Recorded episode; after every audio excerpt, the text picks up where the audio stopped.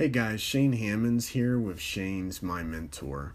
This week, I wanted to talk about a huge compliment that I received in regards to daily content that I post. I was surprised by the recognition. It definitely felt good to hear that my passion made an impact on someone else's life and that it inspired them in some way.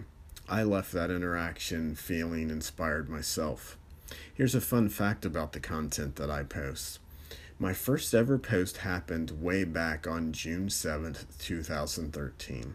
That's a total of 2,219 days, my friends. The original post hit on importance to teach, encourage, instruct, mentor, praise, influence, guide, and to inspire. Glad to say that my original vision back then has stood the test of time. Patience is not simply the ability to wait, it's how we behave while we're waiting on someone else to notice us.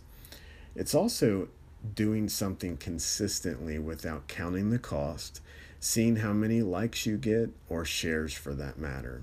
It's important to believe in yourself, provide the value, and serve others often.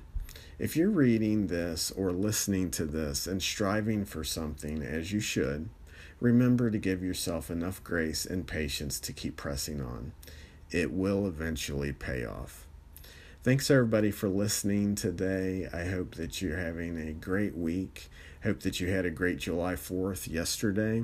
Um, and have a great weekend. And next week, tune in for more Shane's My Mentor episodes. Take care. Bye.